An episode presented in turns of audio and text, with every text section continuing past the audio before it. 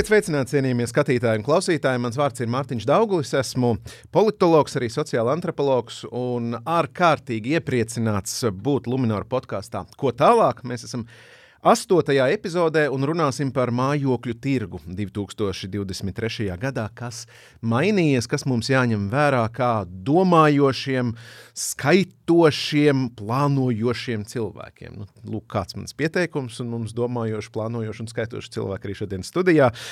Luminor kreditēšanas vadītājs Baltijā Kaspars Lukačovs. Labdien! Labdien. Un Latvijas mājokļu tirsniecības nodaļas vadītāja Evīda Zenīte. Labdien! Labdien! Nu, mājokļu tirgus tas allaž sabiedrībā, protams, mums ir uzņēmumi, mums ir ražošo, ražojošo ekonomiku, tautsēmniecība, bet mājokļu tirgus tas ir atsevišķs žanrs. Cilvēki seko līdzi, skatās, domā, kā organizēt savas dzīves. Tad kāds, sāksim ar tādu ekrānu šāviņu, kā moderni saka, ja mēs uztaisam tādu fotografiju par mājokļu tirgu Latvijā šobrīd, nekustamo īpašumu īpašumu tirgu varbūt kopumā, kāds tas ir? Tur stagnējošs, augošs, kā mēs noraksturot šo bildi. Sāksim Nevī.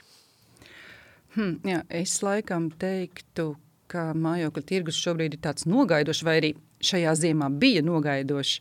Uh, šobrīd martā jau var redzēt jau tādas nelielas atmodas pazīmes mājokļa tirgu. Nu, kā it kā parasti ir arī katru pavasari, bet nu, šoreiz mēs to ļoti, ļoti gaidījām. Tā kā, jā, es teiktu, nogaidošs ar nelielām atmodas pazīmēm. Bet tad var uzdot uzreiz papildu jautājumu, tā atmoda, viņa nu, jūsu pieredzē, cik es saprotu, vairāk par desmit gadiem mājokļu tirgu?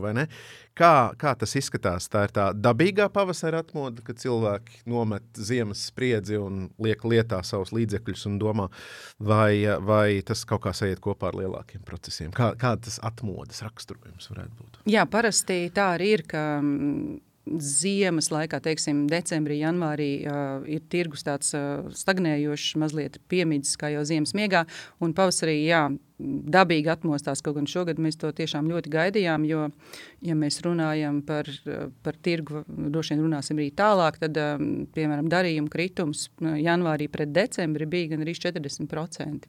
Tā kā, nu, tas pēdējo desmit gadu laikā bija tāds nepieredzēts kritums. Uh, Un tādēļ mēs šo martu un pavasari ļoti, ļoti gaidām. Tad nu, mēs pie šī jautājuma pēc tam vēl atgriezīsimies par to zemo punktu un, un kas tālāk, protams.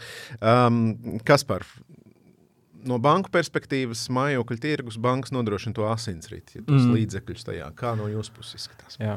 Es, es mazliet arī gribētu paturpināt to sezonalitātes punktu, jo, nu, ja mēs tiešām sakām, nu, kāpēc mājokļiem e, tas pavasaris ir bieži vien tāds aktīvāks, nu, tāpēc, ka sniegs nokūst, to iet apskatīties daudz savādāk, vairāk gaismas, e, redzēt, izbaudīt. Uh, nu, pēdējos gados uh, tā sajūta ir tāda, ka tas, tā sezonalitāte īsti nedarbojās, jo tad mums bija Covid, tad mums bija karš, tagad teiksim, ir Eiribor, jeb šī finanšu situācija. Un, un neapšaubām nekustamā īpašuma tirgus visā pasaulē ļoti ātri reaģē uz visu, kas notiek apkārt. Nu, citreiz ir tāds sajūta, nu, vai tiešām kaut kas var, var paslīdēt garām mājokļu tirgu un maisaimniecībām? Atbildi ir Nē, nevar. Un, līdz ar to, to mēs ļoti nu, no bankas puses varējām izskaidrot un redzēt, cik daudz klientu piesakās šiem te, nu, pirkumiem un darījumiem attiecībā uz nekustamo īpašumu. Ja pagājušais gads bija tāds, ka vēl līdz gada vidum klients stāvēja rindā un cīnījās par vienu vai otru īpašumu. Un, uh, dabūja to, kurš uh, to īpašumu tikai tad, kad solīja vairāk, kā varbūt kāds jau bija priekšā. Uh, cits pircējs. Šobrīd, kā arī Evija minēja, tas ir tāds nogaidošs, nu, un nogaidošs no abām pusēm. Un ļoti interesanti, ka mums ir sajūta no, no bankas perspektīvas, skatoties un klausoties klientu stāstus, ka īpašumu pārdevēji gaida to brīdi, kad viņi varēs varbūt pacelt cenu vai viņu nenolaist. Savukārt klienti gaida, nu, kad tā cena atkal varbūt tās kritīsies, ja mēs par nekustamo īpašumu runājam. Un tam visam komplektā vēl nāk tā, tā neziņa un neskaidrība par Eiriboru, kam mēs arī šodien vairāk pieskārsimies. Tad apusēji nogaidošs stāvoklis, tas ir svarīgi saprast, jo, ja viena puse gaida, tad otra ir tādās tā kā varas pozīcijās, bet šajā gadījumā varas pozīcijās nav neviens ne otrs, abi divi gaida, vai ne, kas notiks ar, ar, ar tirgu. Ir kaut kas jauns, kas iezīm, iezīmējas nekustamā īpašuma tendencēs 2020. Trešajā gadā, nu, ja mēs salīdzinām pret iepriekšējiem, nu, tas konteksts jau droši vien jauns. Kas par runāšanas laikā es sapratu, ka mums ir pēc vairākiem gadiem pirmais nu, nosacīti normālais pavasaris, kad ir, kad ir patstāvīgi esošās krīzes fonā, kā karš, bet nav nekā jauna krīze atnākusi. Bet nu, kaut kas tāds jauns, kas parādās, kur, kur var gan īpašnieki, gan, gan topošie īpašnieki nu, ielūkoties. Nu, tas, ko mēs redzam, tā, te noteikti jāizceļ būtu energoefektivitātes jautājums. Tas teikt, parādās ar vien vairāk dienas kārtībā. Klienti dod priekšroku īpašumiem, kas ir energoefektīvāki nekā pārējie. Attiecīgi jau skatās uz šīm klasēm, jo pēdējā sezona parādīja, hei, hei, cik tad es par siltumu maksāšu. Ja? Vai es to varu pieregulēt, siltumu savā mājoklī un tam līdzīgi.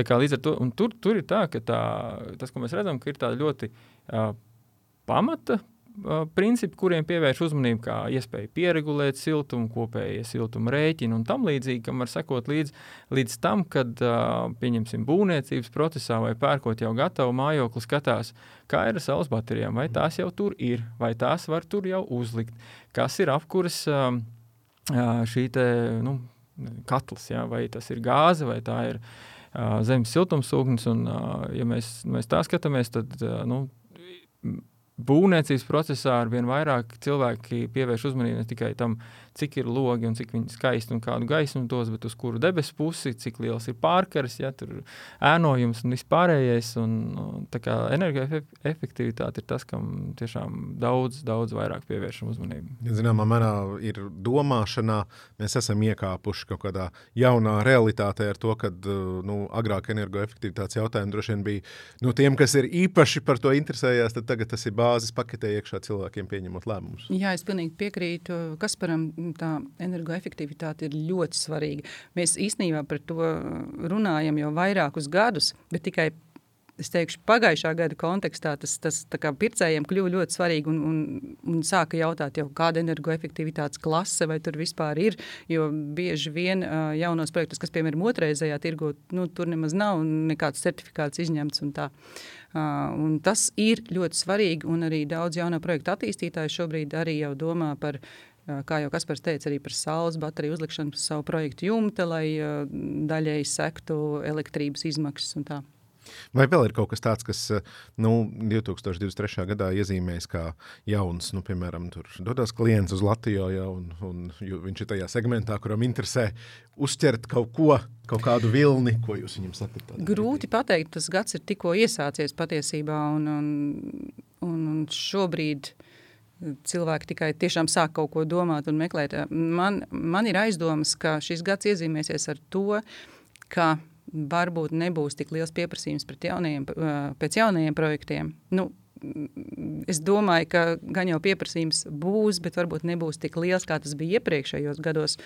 Un varbūt tie pircēji, kas gatavojās pirkt jauno projektu, iespējams meklēs kaut ko otrreizējā tirgu, jauno projektu otrreizējā tirgu vai kādus renovētos sēriju veidu projektus. Tieši tādēļ, ka uh, viņiem vairs nepietiek īsti tā, tās naudas priekš jaunā projekta.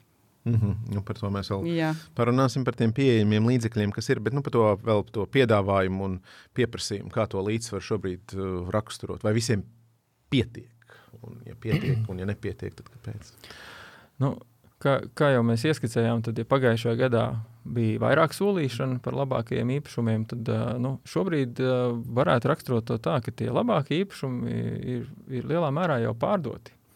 Un, ņemot vērā visas tās būvmateriālu cenu lielās svārstības un, un pieejamības problēmas, kas ir bijušas, arī to jauno projektu skaits, kuri tiek nodoti, nu, īsti neaug. Ja, tā kā mēs varbūt to vēlētos. Uh, Līdz ar to arī tas piedāvājums ir mazāks. Un uh, vēl tāda interesanta tendence, ko, ko mēs redzam, varbūt tās no Latvijas puses arī kāds izskatās, ka ja agrāk uh, faktiski jau būvniecības procesā, jau uzsākot būvniecību, liela daļa to dzīvokļu jau tika rezervēta. Mm. Faktiski darījums notika vēl būv, būvlaukumā. Fakt, ja? Un, uh, šobrīd uh, tā tendence ir mazinājusies, jo pašam būvniekam ir uh, diezgan grūti uh, panākt šo vienošanos ar klientu, jo tā cena var mainīties būvniecības procesā, lai to īpašumu pabeigtu.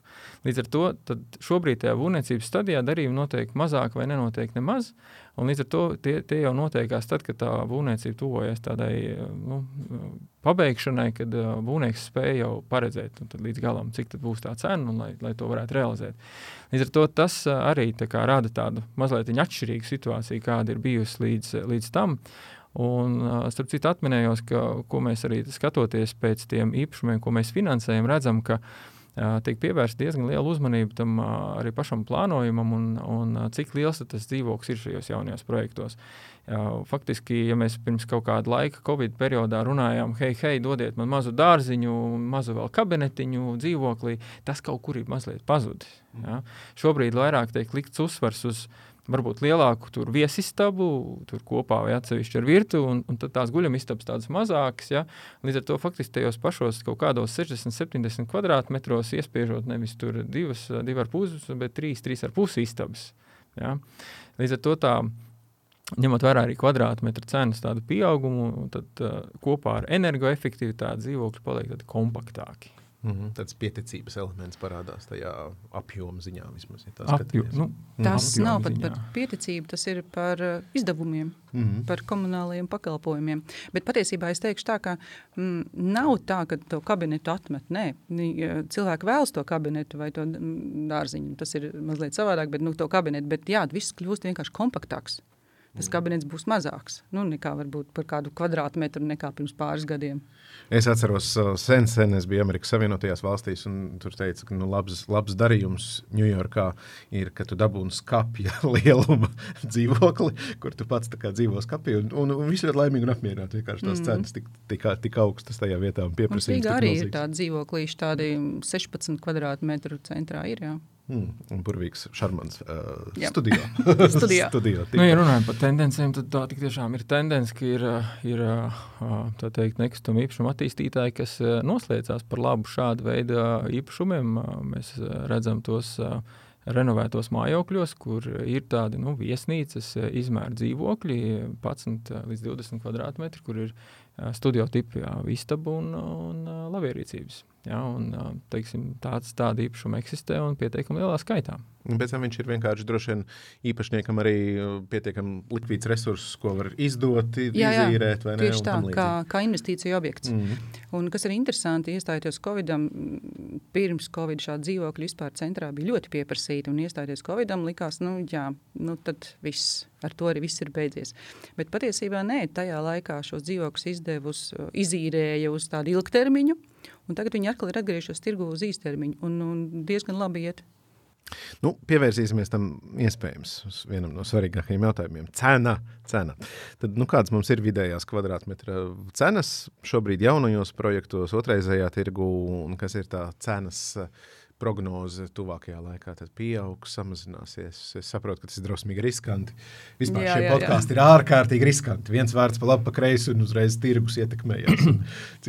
cilvēku rīcības mainās. Bet nu, kā izskatās no jūsu puses? Tā tas ir. Tas ir riskanti kaut ko šobrīd prognozēt, jo man liekas, tikai muļķis var vispār prognozēt, jebko, kas notiks rīt. Uh, bet nu, tās uh, cenas šobrīd uh, tādas mm, vidējās jauno projektu cenas, es teikšu, vidējā cena 2300, kaut kur 2400.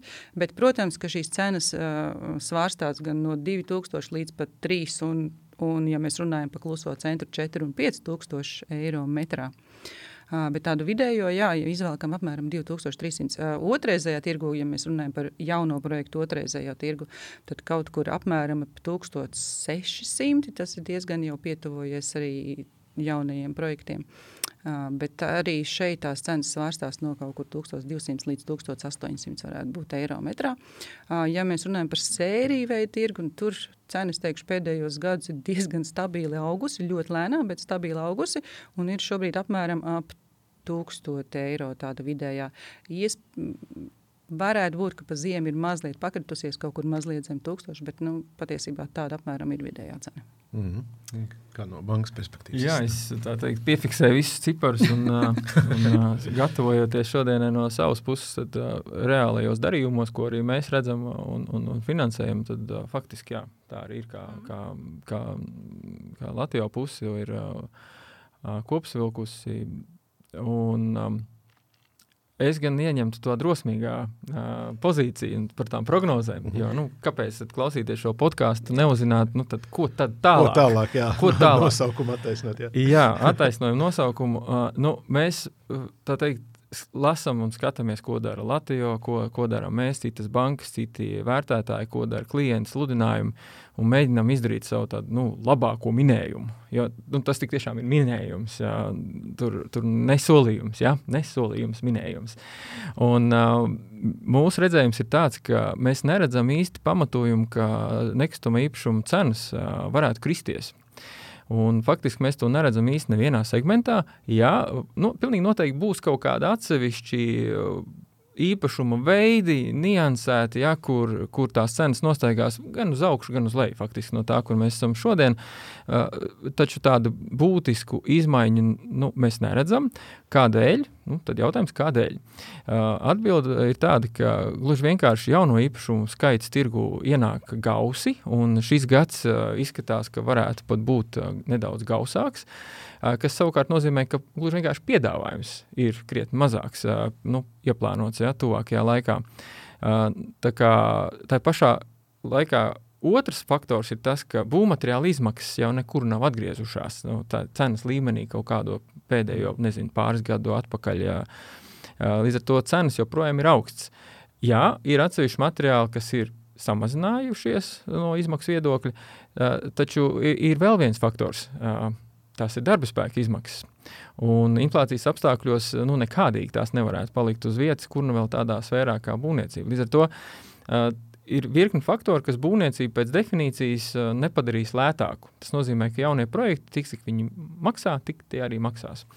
Uh, ņemot vērā, ka jauno piedāvājumu uh, būs mazāk vai maz, uh, otrreizējiem tirgumam šis ir laiks, kurā turpināt aktīvi darboties arī kolēģi minēja, ka tas, tur ir sagaidāms neliels pieaugums. Un, nu, kāpēc gan ne? Ja jau īpašumu trūkst, jaunu mājokli iegādāties ir vajag, nu, tad attiecīgi tas ir otrreizējs tirgus. Līdz ar to tas arī tur to cenu uh, izbalansē.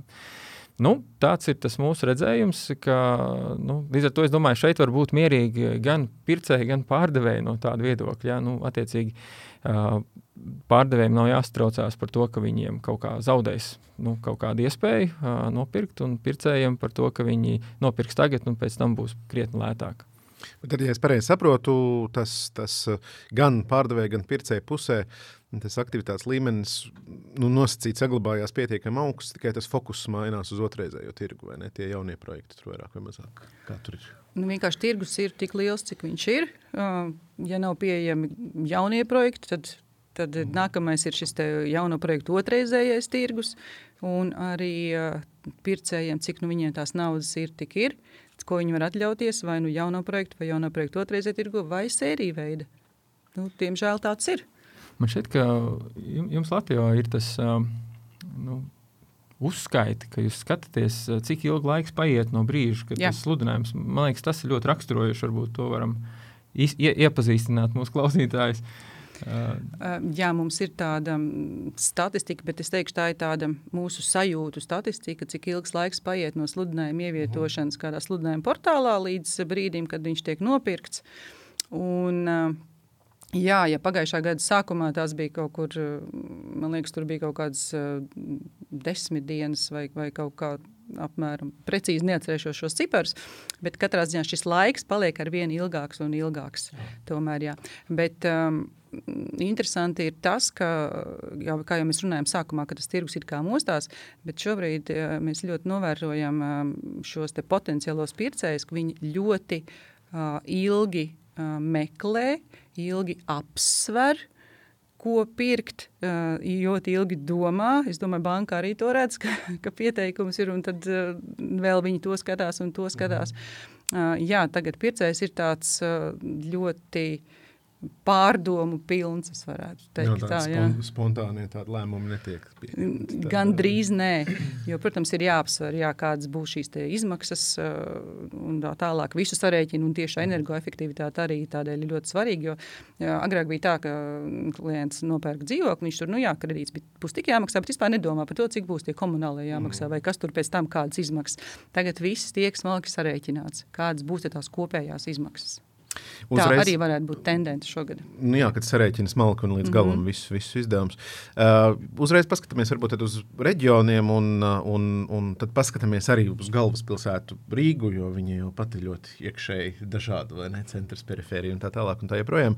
Nu, kas mums notiek ar uh, reģioniem un galvaspilsētu, kādās apkaimēs mēs redzam, ka tas dzīvojamais fonds ir interesants cilvēkiem un kādas kustības tur notiek? Um, nu, ja mēs runājam par to, kur ir vairāk darījumu, noteikti, nu, protams, ka Rīgā. Protams, ka Rīgā. Uh, jo Rīga mums ir vislielākā, šeit visvairāk cilvēku dzīvo, bet arī uh, pēdējos gados ir diezgan raksturīgi. Arī apkārt Rīgai top jaunie projekti, Māru pie Ādaži, ķekava, uh, tātad apkārt Rīgai. Un um, ģimenes labprāt pārvācas kaut kur ārpus Rīgas, kur um, kur ir ērti atbraukt arī uz, uz, uz Rīgu strādāt, eh, kur ģimenei ir labāk, varbūt tur ir eh, vairāk eh, vietas bērndārzos, skolās un tā tālāk. Bet, jā, tas, tas arī ir diezgan rakstīgi. Bet, protams, ka viss darījumi notiek. Lielākā daļa darījuma Rīga un pierīga. Bet tādā, ja, ja drīkst tādā desmit gadus tādā perspektīvā raugoties, nu mums tā, tā, tā pierīgai nosacīt vajadzētu augt tālāk un tālāk. Tā viņš ir, vai ir kaut kādas tomēr tās robežas un neaug uz priekšu. Nebrauc cilvēki divas stundas, piemēram, no rīta. Tas jau, tas jau vairāk laikam ir antropologa jautājums, jā? Tas ir antropologa jautājums, tāpēc es tā ar, ar interesi, ar interesi uzdodu. Um, protams, mēs visi dzirdam stāstus par cilvēkiem, kas pārvācās kaut kur tur uz, uz nu, tur 100 km robežās līdz Rīgai, un jā, bet, nu, nu, tas tomēr ir diezgan mazs skaits. Jā, ir eh, daudz darba, ko var šobrīd darīt attālināti, bet vienalga kādreiz uz to biroju ir jāatbrauc, eh, nu, tas ir mazs procents. Tā dzīve tomēr notiek pilsētā. Tā izskatās. Nu, tā tas ir. Jā. -hmm. Kaut gan eh, pēdējos gados ļoti labi dzirdēt arī, kā vidzemē attīstās pilsētas, gan Cēsis, gan Valmiera. Um, Un Liepājā, piemēram, arī tur diezgan laba attīstība notiek. Bet, nu, ja mēs runājam par jauniem projektiem, tad uh, nu, tās būvniecības izmaksas, mēs zinām, ir pilnīgi vienalga, kur to jaunu projektu cel, vai Rīgā, vai Daugaupilī. Izmaksas ir vienādas, mm. bet kvadrātmetra cenas ir mm. ļoti dažādas. Un līdz ar to, protams, mēs redzam, ka jaunie projekti top tur, ja, tur, kur, tur, tur, kur ir biznesa loģika. Ja, tur, kur viņi spērk. Mm. Nu, ko, ko mēs vēl varam teikt, piemetināt pie, pie šī reģiona stāsta? Tad gribētu, lai Liepāja nedaudz izcelt. Un Liepāja šķiet ir nu, uzķērus to, to domu, ka nu, kā vispār nonākt līdz tā dzīvojamā fonda papildināšanai. Nu, nedzīvojam mēs uh, komandu ekonomikā vai sociālismā, kur es izdomāju uzcelt fabriku un dzīvokli, nolikt tur un tad tur nosūtīt cilvēkus un viss. Ja? Uh, droši vien ir ļoti svarīgi saprast, nu, ka dar, darbinieks bieži vien seko darba spēkam, ja, ja, ja ir labs darba devējs. Protams, var spekulēt, ir arī otrādi un tam līdzīgi. Ja? Uh, bet, uh, nu, paņemot Latvijas situāciju, tad nu, kā tad dabūt cilvēkus no Rīgas uz Liepāju? Ja? Un Liepāja to ir sapratusi, attīstot uzņēmējdarbību, radot šos industriālos parkus, piesaistot ārvalstu investīcijas, kur tiek veidot ražošanas uzņēmumi priekš ārvalstu, priekš ārvalstu dažādām kompānijām. Tādā veidā radot ar vien jaunas darba vietas, un darba vietas nu, ne tikai ar zemāko, bet arī augstāku un tā tālāk šo vērtību. Līdz ar to mēs jau pat uh, esam lietas kursā, ka Liepājā jau sāk domāt par vienu daudzstāvu mājas būvniecību tuvākajā laikā. Tas ir jau ļoti pozitīvs signāls.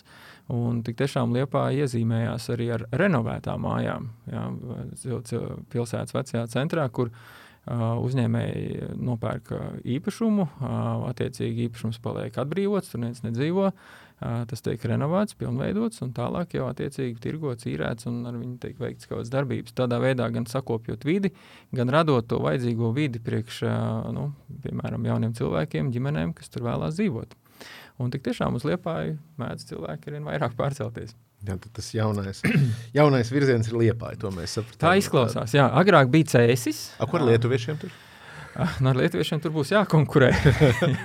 jo lietuvieši, starp citu, jā, tur, viņ, viņ, viņiem patīk jūra, un tad viņi vairāk pie jūras koncentrējās un, un pērk, bet nu, Liepā ir pie jūras, un tur ir tiešām skaisti īpašumi arī pie jūras. Jā, runājot par lietuviešiem un igauniem, mums vispār mazliet ar viņiem ir jākonkurē, jo lietuvieši un igauņi arī brauc šeit dzīvokļus pirkt. Jo, mm, kā mēs zinām, ļoti labi. Nu, Es ceru, ka mēs zinām, jo šis podkāsts jau noteikti arī šajā podkāstā ir par to stāstīts, ka Lietuvā un Igaunijā dzīvo, jauno projektu dzīvokļu cenas ir krietni augstākas nekā Latvijā. Un eh, mums ik pa laikam ir tādi klienti, kas saka, jā, mēs tur pārdevām dzīvokli Igaunijā, bet nu, tur mēs vairs nevaram neko nopirkt vietā. Bet šeit varam. Tāpēc mēs atbraucām uz Rīgu nopirkt. Pēc tam izīrēsim. Jā, tā tad nu, skatāmies jau visā Baltijas kontekstā. Mm -hmm. uh, par būvēšanu. Jā. Viena lieta ir nopirkt uh, gatavu vai otrreizējā tirgu gatavu, bet ot, nu, tā, tā būvēšana jau kā tāda, tas ir pilnīgi cits žanrs. Nu, ar kādām cenām jārēķinās, ja tagad privāta māja grib būvēt? Un kas varbūt ir apvienoši uzreiz arī ar nākamo jautājumu tās lielākās nenoteiktības, vai kas būtu jāņem vērā, ja izvēlās būvēt savu privātu māju? Kurš sāk? Jā. Nu, es varu sākt. Jā, nu, um, būvniecība ir ārkārtīgi interesanta lieta. Un, uh, šeit uh, jāsaka, ka no mūsu datiem mēs redzam, ka uh, mājokļi, nu, sāksim ar māju kā tādu, privātu māju vai rindu māju vai, vai kas tamlīdzīgs, tad, kas nav dzīvoklis. Tad, uh, Šobrīd mēs pēc saviem datiem redzam, ka nu, no tiem, kas vēlās dzīvot mājā, mājās, ir nu, nedaudz vairāk kā pusi, kas jau grib nopirkt gatavu. Un tad ir mazāka puse, ir, ir tā, kas ir uh, nolēmuši iet to būvniecības ceļu. Un, ja mēs ejam to būvniecības ceļu, tad nu, mēs varam tā pakāpeniski risināt šo tēmu, nu, kur tad būvēt. Ja? Un šeit atkal tā pierīga dominē. Ja mēs, protams, paskatāmies pēc tādas tiešām kartes un geogrāfijas, tad nu, uzvaras gājiens atkal ir Rīgai. Uh, bet kāpēc? Tāpēc, ka tā būvniecība notiek ap Rīgas robežu vai tās tūmā un uz abām pusēm attiecīgi. Un te nu ir tā, ka ir tie reģioni, kur ir uh, nu, tā, tā zonas, kur ir dārgāka tā zeme un, un, un ir, kur ir lētāk. Ja mēs paskatāmies tādu ļoti vienkāršu tendenci Mārupe, uh, kas ir bijusi ļoti aktīva būvniecības teritorija, tāds kārtīgs būvlaukums pēdējos gadus, un joprojām tas vēl arī turpinās. Uh, tad tur tā tendence mainījās no, no teikt, vienas maisaimniecības mājokļa, ja, vienas ģimenes mājas, uz uh, divu un vairāku ģimeņu mājām. Un kāpēc? Ļoti vienkārši zemes cena. Ja, ja kaut kādus gadus, 5, 10 un tā tālāk atpakaļ, nu, mēs šeit nerunājam par, krī, par iepriekšējo krīzi, tad bija tās cenas arī augšā, varbūt neadekvāti. Tad, tad pēc tam tās normalizējās un varēja tādu nu, standarta zemes izmērā 1000 kaut kādas 700, 800 kvadrātmetrus varēja nopirkt par apmēram 30, 40 tūkstošiem. Nu, tur atkarībā no vietas tur kaut kas nostaigā, bet aptuveni tādā, tādos skaitļos tas grozījās. Uh, tad šobrīd, nē, šobrīd tas cipars tuvojas 80, un 90 un vairāk tūkstošiem. Līdz ar to, ja mēs iztēlojamies ģimeni, kas vēlas būvēt māju un mājokļu būvniecību, un te mēs nonākam, cik tad izmaksā māja, tad pēc mūsu datiem uh, kā mēs redzam, kā mūsu klientiem to ir izdevies realizēt, tad tas ir apmēram 1500-1600 eiro par kvadrātmetru. Un tā biežākā, biežākais izmērs tam mājoklim, ko būvē, ir starp 100 un 150 kvadrātmetriem pēc mūsu datiem. Līdz ar to mēs nu, varam pie 150 kvadrātmetriem, 1500, tas ir apmēram 230 kaut kādi tūkstoši eiro, ko tas mājoklis izmaksā. Un tad vēl tam pieskaitām klāt, piemēram, 70, 80 tūkstoši. Tas jau ir pār 300 tūkstošiem. Un tā jau ir pietiekami liela summa ar diezgan ievērojamu mēnešu maksājumu. Un tad jautājums, vai ir liela pirmā iemaksa vai nav. Um, Altuma garantija, jeb, jeb šo atbalstu izmantot līdz 250 tūkstošiem. Tagad tur tāda diezgan liela tā jau izlemšana, uh, izlemšana ir, ir, ir vietā. Un, un tāpēc tās uh, nu, dviņu mājas ir parādījušās vairāk, kuras Protams, ka nu, parasti neceļ tas, kas tur dzīvos, bieži vien tas ir kāds jau uh, uzņēmējs. Jo nu, tad jau tās izmaksas sadalās uz divi ja, par šo zemes pleķīti, kas tur katrai uh, mājai paliek. Jā, starp citu, privāti mājas arī ir uh, palikušas kompaktākas. Un, un, un es mazliet papētīju statistiku pagājušajā gadā. Gan drīz 80% privātmāju, kas ir nopirkts, ir bijuši no 50 līdz 150 kvadrātmetriem. Tā kā, jā, vairums, jā. Jā, tā mhm. kā kompaktāks. Jā. jā, pie privātmājām arī šīs rindu mājas, kas varbūt, ko varbūt citi uzskatīs par dzīvokļiem, bet nu, patiesībā tā ir tāda pilsētnieka māja ar savu sapni par mazu dārziņu, kur nav daudz jāpļauj, bet tomēr bišķiņi ir zemīte. tā kā, nu, jā. Interesanti. Tā, tāds mm -hmm. uh, nu jā, apsvērums, ko cilvēki pieņem. Nu, protams, ka tajā brīdī, kad tu būvē, Man, man draugam bija tāds labs teiciens. Viņš, viņš pēc tam kļuva par pašvaldības deputātu, līdz to teiciens droši vien ir vērā ņemams. Bet viņam bija tāda, ka tu sākot būvēt māju, tu nu, principā tā kā uz visu mūžu. viņa, viņa, tajā, viņa tajā skatījumā. Bet nu, caurmērā, kas ir tie riski vēl, kas mums jāņem vērā? Ņemot vērā, ka būvmateriāli, darba rokas, tie paši energoresursi un tam līdzīgas lietas. Kā tas sajiet kopā un ietekmē to spēles laukumu? Cilvēki grib izdomāt, palikt tajos 50-60%, kas pērk gatavu vai tomēr pārkāpt pāri un būvēt pats. Tas vēl ir laiks. Un tas vēl, vēl laiks. ir laiks, tas, mm -hmm. tas ir vēl no, no projektēšanas līdz nezinu, nodošanai, nu, apmēram divi, ja ne vēl vairāk gadi. Un, un, un, jā, nu, tas tāds tas, tas diezgan ilgs laiks, kamēr šis tiešām ļoti, ļoti atkarīgs ir, kas tie ir pa būvniekiem un kāda tās būvmateriāla cenas, ko arī neviens nevar pateikt, kā tur uz priekšies. Droši vien tāpēc lielākā, lielākā daļa tomēr izvēlās jau pirkt gatavu māju, un, un tieši tā kā Kaspars parēķināja, iespējams šī gatava māja, kas varbūt cēlta pirms gadiem desmit vai mazliet vairāk, tomēr izmaksās lētāk, arī ja tur pēc tam taisīs remontu iekšā un vēl uzliks saules paneļus uz jumta. Iespējams, izmaksās lētāk nekā būvēt uh, pilnīgi jaunu māju. Un nezinot ar kādiem sadardzināšanas aspektiem, un rēķināties pa ceļam, kā tur izskatās. Jā, jā nu, Nu, tā, tā arī izskatās. Būvniecība tiešām ir ļoti atbildīgs process. Atbildīgs process pašam klientam un, un tad jau tālāk ar saviem partneriem, gan būvniekiem, gan, gan finansētājiem, lai tas projekts tiešām realizētos. Un, uzņemoties pirmo reizi kaut ko tādu, bez pieredzes būvniecībā, un bez varbūt būvzrauga vai tāda ļoti krietna būvnieka, kas to procesu menedžē, uh, tie, to risku ir ārkārtīgi daudz. Un, nu, es šeit nemācīšu uzskaitīt visus būvniecības riskus. Tur būtu jābūt būvniecības ekspertam. Taču nu, tādi nu, paši elementārākie, ko var teikt, ir, ir bieži vien vienkārši neparedzētie izdevumi. Uh, pat nerunājot šeit par sadārdzinājumu, ja, kas saistīts ar būvmateriāliem un tam līdzīgi, ko, ko, ko arī jāņem vērā šajos apstākļos, bet ir visādi neparedzēti izdevumi. Sākot ar to, ka varbūt tās ir uh, jānoņem vairāk grunts, jānomaina, gluži vienkārši uz tādu pamatu likt nevar, un tas ir jāmaina, un tās ir papildus izmaksas, un grunts ir ļoti dārga. Uh, Mēs zinām, ka ir ļoti liela dzelzceļa būvniecības darba plānota, kas ļoti daudz paņem šos materiālus. Tā, tā kā arī to cenas tādiem nu, maz, maz, mazpircējiem ir, ir, ir daudz, daudz augstāks, varbūt kā gribētos. Līdz ar to ir, ir jāņem vērā, un, un tāpēc ir ļoti svarīgi plānot. Un tas, ko mēs iesakām, un, un vienmēr pat pārliecinamies, pat neiesakām. Tas ir drīzāk tāda pārliecināšanās jau, kad klients gatavo tāmi. Tad, uh, lai šī tāma pirmkārt būtu realistiska un tās uh, būvniecības izmaksām pietuvotos tām, kuras es arī minēju, 1500 eiro aptuveni. Uh, un tam visam ir iekļauts vai pa virsmu vēl arī uh, kārtīgs rezerves fonds, uh, kas varētu būt nu, 15. Tas ir absolūts minimums, uh, kam būtu jābūt uh, tiem būtu jābūt vismaz 20%, kurus vajadzības gadījumā, ne obligāti, bet vajadzības gadījumā varētu izmantot, ja nu kaut kādas izmaksas parādās. Mēs līdz pāriesim pie noslēdzošā jautājuma bloka par, par Eiriboru likmi, bet tomēr vēl lielie projekti, kas mums ir, rekur, braucot uz studiju, jau pasēdēju ilgāk sastrēgumā, tā iemesla dēļ, kā Rail Baltica un visi lielie pārbūves darbi sākās šie lielie projekti, kas mums ir, kas mums ir ieplānoti, arī pašu staciju taču būvēs un vispārējais. Kā tas ierezonēs nekustamo īpašumu tirgu? Hmm. nu, gan jau ka pozitīvi ierezonēs.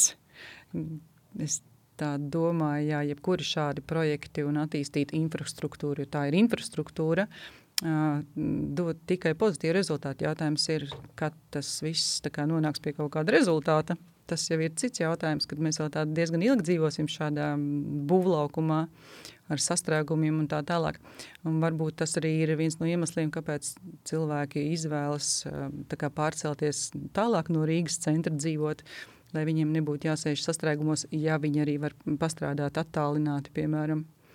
Uh, jā, te mēs īstenībā mazliet arī um, par Rīgas centru varam parunāt, kas mums tāds diezgan tukšs un bēdīgs izskatās. Gribētos, lai cilvēki atgriežas, bet uh, es baidos, ka viņi sāks atgriezties tiešām tad, kad visi šie lielie būvlaukumi būs, būvdarbi būs beigušies, un tad būs mierīgāka dzīve Rīgas centrā. Ja tur varētu būt tāds interesants pārvēlienu elements, ka nu, tūlīt, tūlīt būs gatavs. Nu, ja, kad, kad? Es ticu, ka kaut kad būs. Ja. Jā, kad stacija nu, viss pārējais būs gatavs, jauns un smuks un noplēsīs plēvīti, nu, tad jau tā vide būs diezgan interesanta un sakārtota. Nu, stacija būs noteikti viens no tiem faktoriem, kas veidos vidi. Mm -hmm. Es domāju, ka šeit ļoti svarīgi ir, kā kopumā Rīga kā pilsēta attīstīsies, jo uh, nu, mēs no Lunčūska puses mēs darbojamies Baltijas uh, robežās un skatāmies, un, un, un esam aktīvi visos trijos tirgos. Mēs redzam, ka Rīga ir ārkārtīgi iepalikusi, un, un tieši tā centra zona ir tiešām nu, ļoti izmirusi. Un, Un šeit pietrūkst lietas, ko tad ģimenei darīt, kā nokļūt vienā, otrā, trešajā vietā. Pat, pat tā, nu, vidas tīrība, gaišums un, un vispārējais. Jo, nu, kas tad mums ir? Mums ir nu, ielas un sastrēgumi. Jā, lielā mērā mums to objektu pietrūkst, un, un tā vide nu, tikai pēdējos gados mums parādās veloceliņi, kaut kādas atsevišķas vietas, kur apsēsties, mēs parkos sākam investēt. Tikai tur daudz droši vien darāms ir, un tas jau ir. Uh, pilsētas liela atbildība, un, un tad arī attīstīsies tālāk. Mazliet pieskaroties tam būvniecības momentam, kā tas Real Baltica varētu ietekmēt. Protams, ļoti grūti to tā, nu, no mūsu skatu punkta komentēt, taču nu, tā mazliet padomājot, betons, smilts, grants, metāls tiks ļoti plaši izmantots. Un, nu, šis ir tiešām vērienīgs projekts, gan stacijas, gan, gan dzelzceļa stiedzes pārvade un vispārējais. Nu, droši vien, ka nu, tas pieprasījums pēc šiem izējuma materiāliem uh, būs tik augsts, uh, nu, ka man ir jautājums, vai mēs to paši spējam visu saražot, nodrošināt. Un līdz ar to gluži vienkārši, nu, ja pēc kaut kā ir liels pieprasījums, tam seko nedaudz cenas pieaugums. Jā. Tad tas nozīmē, ka attiecīgi gan jauno projektu būvniekiem, gan, gan uh, privātmāju būvniekiem jārēķinās, ka arī ar šo uh, materiālu izcenojumiem varētu būt uh, izaicinājumi tuvākajā laikā. Tad, ja es sētā gribēju agrāk ielikt sliedes, tad tagad visticamāk es to nevarēšu atļauties. Koka. Koka sliedes. Arī. Aiziesim pie Eriboru tagad un uh, caur Eriboru arī virzamies uz sarunas noslēgumu. Nu, kā mums šobrīd ir ar Eriboru likmi, kādas tuvākā laika prognozes un ko uh, mūsu podkāstu klausītājiem par to domāt un kā to mm. likt lietā? Mēs redzam, šobrīd jau tas pārsniedz 3% sešu mēnešu eiribors, uh, lai gan mēs bijām pēdējos desmit gadus pieraduši pie nulles vai pat mīnusām. Un, uh, ja mēs skatāmies no tāda praktiskā viedokļa, tad, ja man likme bija pieņemsim, uh, 2,5% un, un eiribors bija 0, tad es maksāju 2,5%. Viss ir skaisti. Un tagad uh, pēkšņi man likme ir 5,5%, un tas ir vairāk kā divreiz vairāk. Ja? Tas nozīmē, ka mans mēneša maksājums arī ir pieaudzis nevis par 10, 20, bet varbūt par 100, 200 eiro. Un tas ir, nu, spēlē, protams, milzīgi ietekmi uz uh, maisaimniecības pieejamiem līdzekļiem. Um, ja mēs runājam, tad nu, te ir divi faktori. Ja? Viens ir, nu, tad kā tad ar visiem mums, kam jau ir šis kredīts, cik mums būtu jābūt satrauktiem un, un tā tad uh, jāņem vērā, ka pēc uh, tās lielās finanšu krīzes banku sektorā kreditēšana tika pārveidota un, un uh, tie visi teikt, kredīta riska principi ievērot tā, lai šādas krīzes klienti varētu pārvarēt. Un arī šobrīd mēs redzam, ka mūsu klientiem ar maksātspēju viss ir kārtībā. Mēs tur redzam arī citu banku klientu lokā. Faktiski mēs tiekam visi galā. Ja? Tā ir noteikti labā ziņa, un nu, pozitīvā ziņa savukārt, nu, cik ilgi. Ja? Uh, tas viss, uh, nu, prognozes, protams, ir dažādas, un mēs redzam, ļoti daudz notikumu joprojām notiek uh, visapkārt, arī finanšu sfērā. Uh, paredzēt ļoti precīzi nevar. Uh, bet, nu, balstoties uz tām projekcijām, ko mēs redzam, un arī uz mūsu ekonomistu redzējumu, nu, ka šogad mēs varētu sasniegt to pīķi, kas varētu būt uh, robežās starp 3,3 un uh, 4%. Ja? Uh, un tad uh, pakāpeniski tam vajadzētu sākt uh, kristies lejā, ņemot vērā notikumus plašāk, uh, plašāk ekonomikās uh, Eiropas uh, zonām. Līdz ar to tad, nu, potenciāli nu, mēs redzam saulu tuneļa galā. Būtiski atzīme - nulle nebūs Eiriboram. Tas var būt tāds ziņa esošiem klientiem. Jauniem klientiem, principā, ziņa visa tā pati, plus jāņem vērā, ka šobrīd daļa klientu, kuri varbūt vakar vēl varēja aizņemties, šodien vairs nevar aizņemties tik lielu summu, kā gribēja. Jo gluži vienkārši mēneša maksājums jau vakar pie nezinu, summas X Pilds. bija 100 eiro, tagad tas ir jau gandrīz 200 eiro. Un tad, attiecīgi, skatoties klienta ienākumus un maksātspēju, uh, ir daļa klientu, kuri vairs nevar to īpašumu iegādāties par 100 tūkstošiem, var tikai par 80 lai varētu to mēnešu maksājumu, kāds šobrīd sanāk, veiksmīgi kā, izpildīt. Un līdz ar to, tad, nu, ko te darīt, tad nu, šeit, protams, varianti ir visdažādākie. Viens ir nu, turpināt krāt, kas atkal paņem laiku, attiecīgi lielāku šo pirmo iemaksu. Cits variants ir. Protams, nu, nu, krāšana arī mēs zinām dažādi veidi, kā sakrāt, var krāt, var kaut ko pārdot, ja ir un tā. Uh, Nu, un tad cits uh, variants ir meklēt īpašumu, kas ir lētāks, un tāpēc arī mums tas otrreizējais tirgus šodien arī parādījās dienas kārtībā atkal kā augošs ja, elements. Nu, un, un trešais ir uh, uh, iet prasīt lielāku algu, ja, kas arī ir variants, un, un, un, un, un tad, nu, kas mums vēl paliek? Paliek gaidīt vēl, ja? Ceturtais vēl ir īrēt. Un vēl ir īrēt, jā. Īrēt, jā. tad, tad gaidīt. Tad gaidīt, jā. jā. Um, jā. Tā, tā tas varētu būt. Patiesībā ir vēl, nu, tieši, tieši tas, ko Kaspars arī minēja. Mums arī šādi klienti bija vairāki, kam pagājušā gada, varbūt gada sākumā šīs lielākās summas banka jau kredītam piešķīra, un viņi skatījās uz jaunajiem projektiem, bet gada beigās nu, tomēr izrādījās, ka jāpaskatās uz, uz, uz, uz citu tirgu, otrreizējo tirgu. Bet patiesībā tas, ko es gribēju teikt, nav vairs tā, kā bija agrāk, kad cilvēki pirka nekustamo īpašumu uz visu mūžu. Mm. Uh, tie laiki ir mainījušies, un, un, un nu, ko mēs gaidīsim. Mēs gaidīsim, kad mēs varēsim sākt dzīvot vai kaut ko tādu. Es ieteiktu laikam nopirkt to, ko tu šobrīd vari atļauties. Mm, dzīvot šajā īpašumā, uzlabot to. Ja tā ir sērija veida māja, tad padomāt par renovāciju, siltināšanu. Un pēc kāda laika, kad būs vēl sakrājis naudu vairāk, attiecīgi šo pārdodot, nopirkt kaut ko citu, labāku, lielāku, foršāku. Jā, tad, zināmā mērā, vēl jau vairāk aizējām atpakaļ pie tā, kā rēķinot un domājot, mēs varam mm. sākt ar mazumiņu un ar to arī uh, iejaukt Jā. tajā savā dzīves sapnī, kas ir. Kas ir Jā, nu, tie, tas ir tāds teikt, mazo solīšu veikšana. Jā. Sākumā mm. es nopērku mazāk dzīvokli, augu ģimene, augu darbs, ienākumi, un ja viss ir veiksmīgi, es pērku nākamo un tā tālāk. Tā, tā ir tāda ļoti normāla evolūcija. No, no bankas puses man gan te jāpiebilst maz, maz niansīt, nu, kam tomēr ir jāpievērš uzmanība, ka nu, pērkot ir īpašumu, kas ir mazāks, un varbūt ne tas sapņu īpašums, nu, jāapskatās, nu, tad kā tad es to īpašumu varēšu pēc tam pārdot. Tas, protams, tas ir būtiski. Protams. Vieta, kvalitāte, tomēr tam, tam ir jā, jāpievērš uzmanība. Jo lētāks nedrīkstētu nozīmēt nu, būtiski sliktāks. Mazāks, jā, bet būtiski sliktāks noteikti, ka nē. Un vēl nu, antropoloģisks, uh, nu, tā teikt, fona, antropoloģijas fona tādā uh, nokrāsā, vai kā to pateikt. Uh, neskatoties uz to, ka mājokļu iegāde un tā finansēšana ir ārkārtīgi finansiāli tāds atbildīgs process un runājam par milzīgām summām. Parasti tas ir lielākais darījums mūsu dzīvēs, ko mēs realizējam.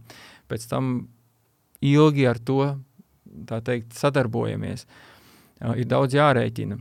Un tomēr tas ir ļoti emocionāls pirkums.